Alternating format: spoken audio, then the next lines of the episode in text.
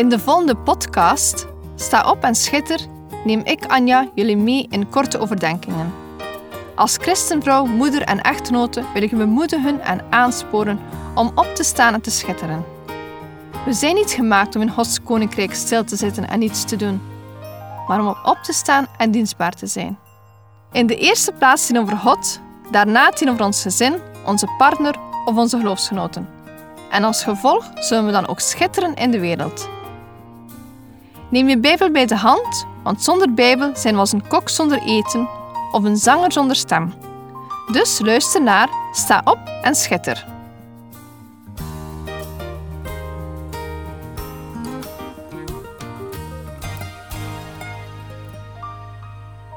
Vandaag wil ik het hebben over vasten.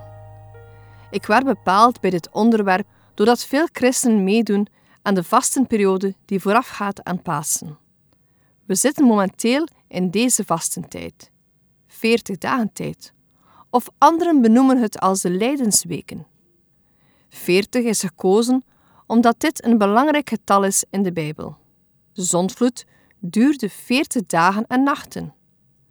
Noah wachtte 40 dagen voordat hij de ark opende. Mozes verbleef 40 dagen op de Sinaïberg en kreeg toen de tien geboden.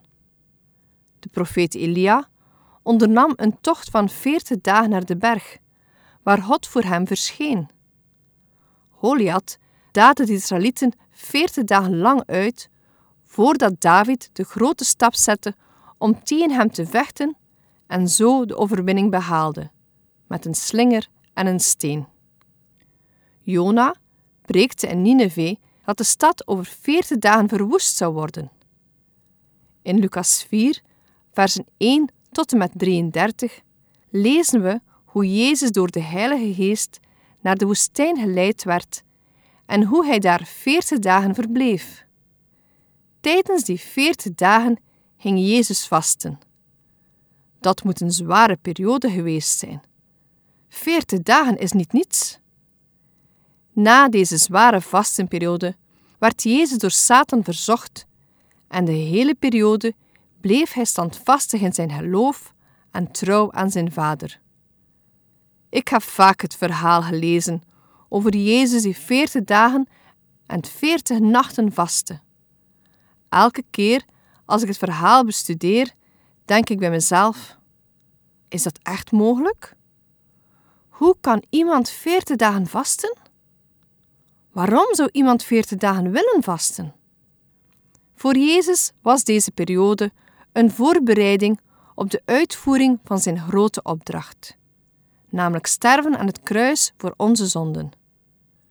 Nu is het duidelijker waarom er gesproken wordt over de vastentijd en lijdensweken die voorafgaan aan Pasen. Veertig heeft betrekking op beproeving, voorbereiding en verwachting, maar ook op vasten, boetedoening en zuivering. Laten we starten bij het begin. Wat is vasten?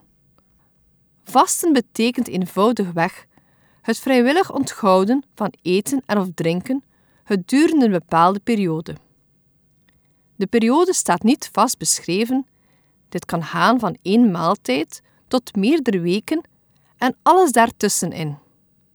Je kunt vasten van één soort voedsel of van alle voedingsmiddelen. Het is de bedoeling dat je de tijd waarin je normaal zou eten invult met tijd voor God. Het kan gaan van bidden, bijbellezen tot lofprijzing. Hierin is het van groot belang dat je het met de juiste ingesteldheid doet. Vasten is geen wondermiddel waarin met zekerheid je gebed verhoord zal worden. In Matthäus 6, versen 16 tot en met 18 staat er: En wanneer u vast, toon dan geen droevig gezicht, zoals de huichelaars. Zij vervormen namelijk hun gezicht, zodat zij door de mensen gezien worden als zij vasten. Voorwaar, ik zeg u dat zij hun loon al hebben. Maar u, als u vast, zalf dan uw hoofd en was uw gezicht, zodat het door de mensen niet gezien wordt als u vast, maar door uw Vader, die in het verborgene is. En uw Vader, die in het verborgene ziet, zal het u in het openbaar verhelden. Dit is een grote waarschuwing die hoort bij het vasten. Er wordt vaak te veel waarde gehecht aan de uiterlijke tekenen van geloof. We willen soms dat mensen weten hoe goed we bezig zijn, in plaats van ons te richten naar God. Let je ook op de zinsbouw, er staat en wanneer u vast. Jezus gaat ervan uit dat ieder christen vast. Hij ziet het als een vanzelfsprekendheid. Het zou een vast onderdeel moeten zijn in ons leven. Daarna volgt de waarschuwing. Toon geen droevig gezicht. Het gaat hier om de Fariseërs, die ook wel huigelaars of toneelspelers genoemd worden. Tijdens hun vastenperiode gaan ze naar buiten, huilen en zetten een droevig gezicht op.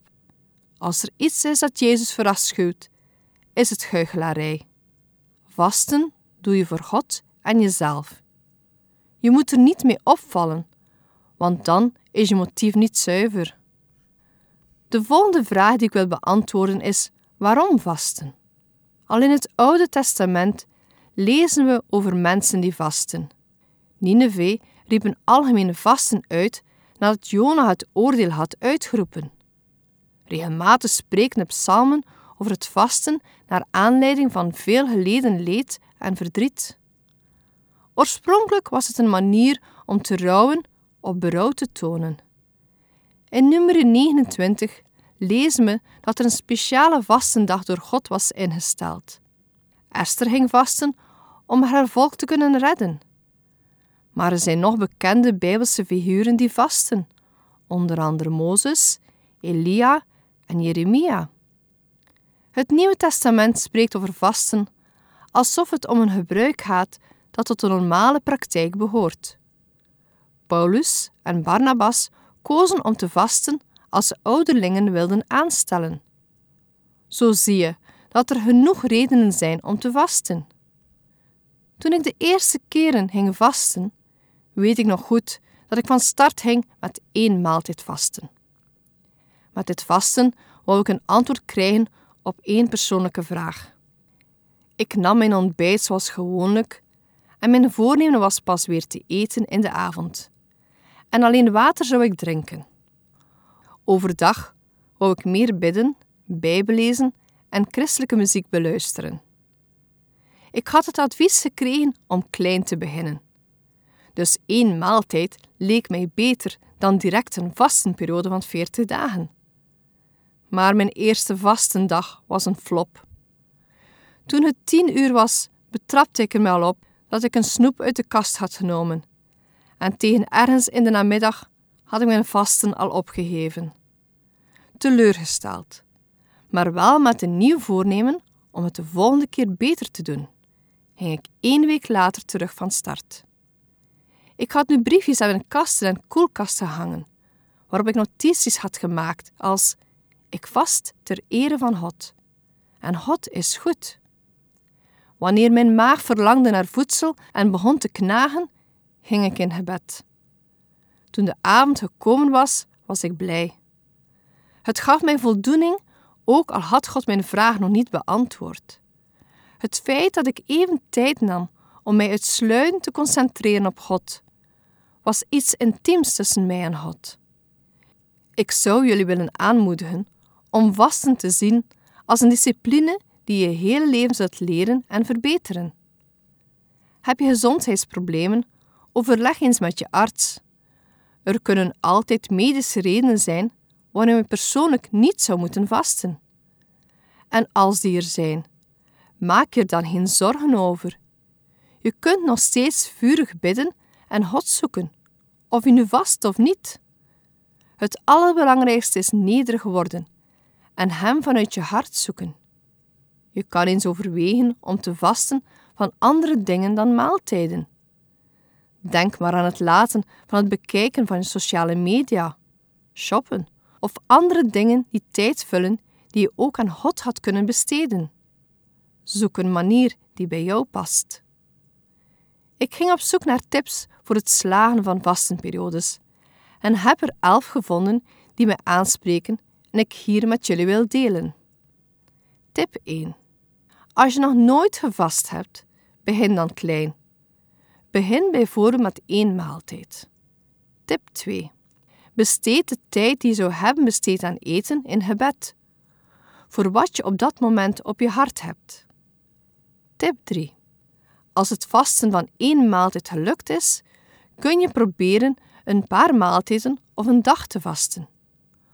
Ongeacht hoe je het doet, het kan een goed idee zijn om je een weg te banen naar langere vastenperiodes. Tip 4. Vind je vasten in je eentje lastig? Zoek dan een vastencompagnon. Laat elkaar weten wanneer en hoe je gaat vasten. Bevraag elkaar of het lukt. Stimuleer elkaar op momenten dat je het vasten even lastig vindt. Tip 5. Zorg voor de juiste motivatie. Vasten als een christen betekent dat je nederig wordt voor God. Vasten is een manier om Hem te eren.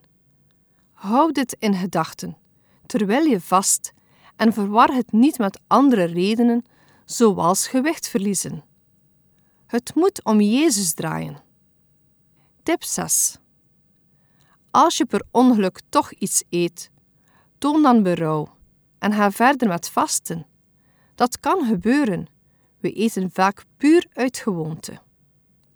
Tip 7.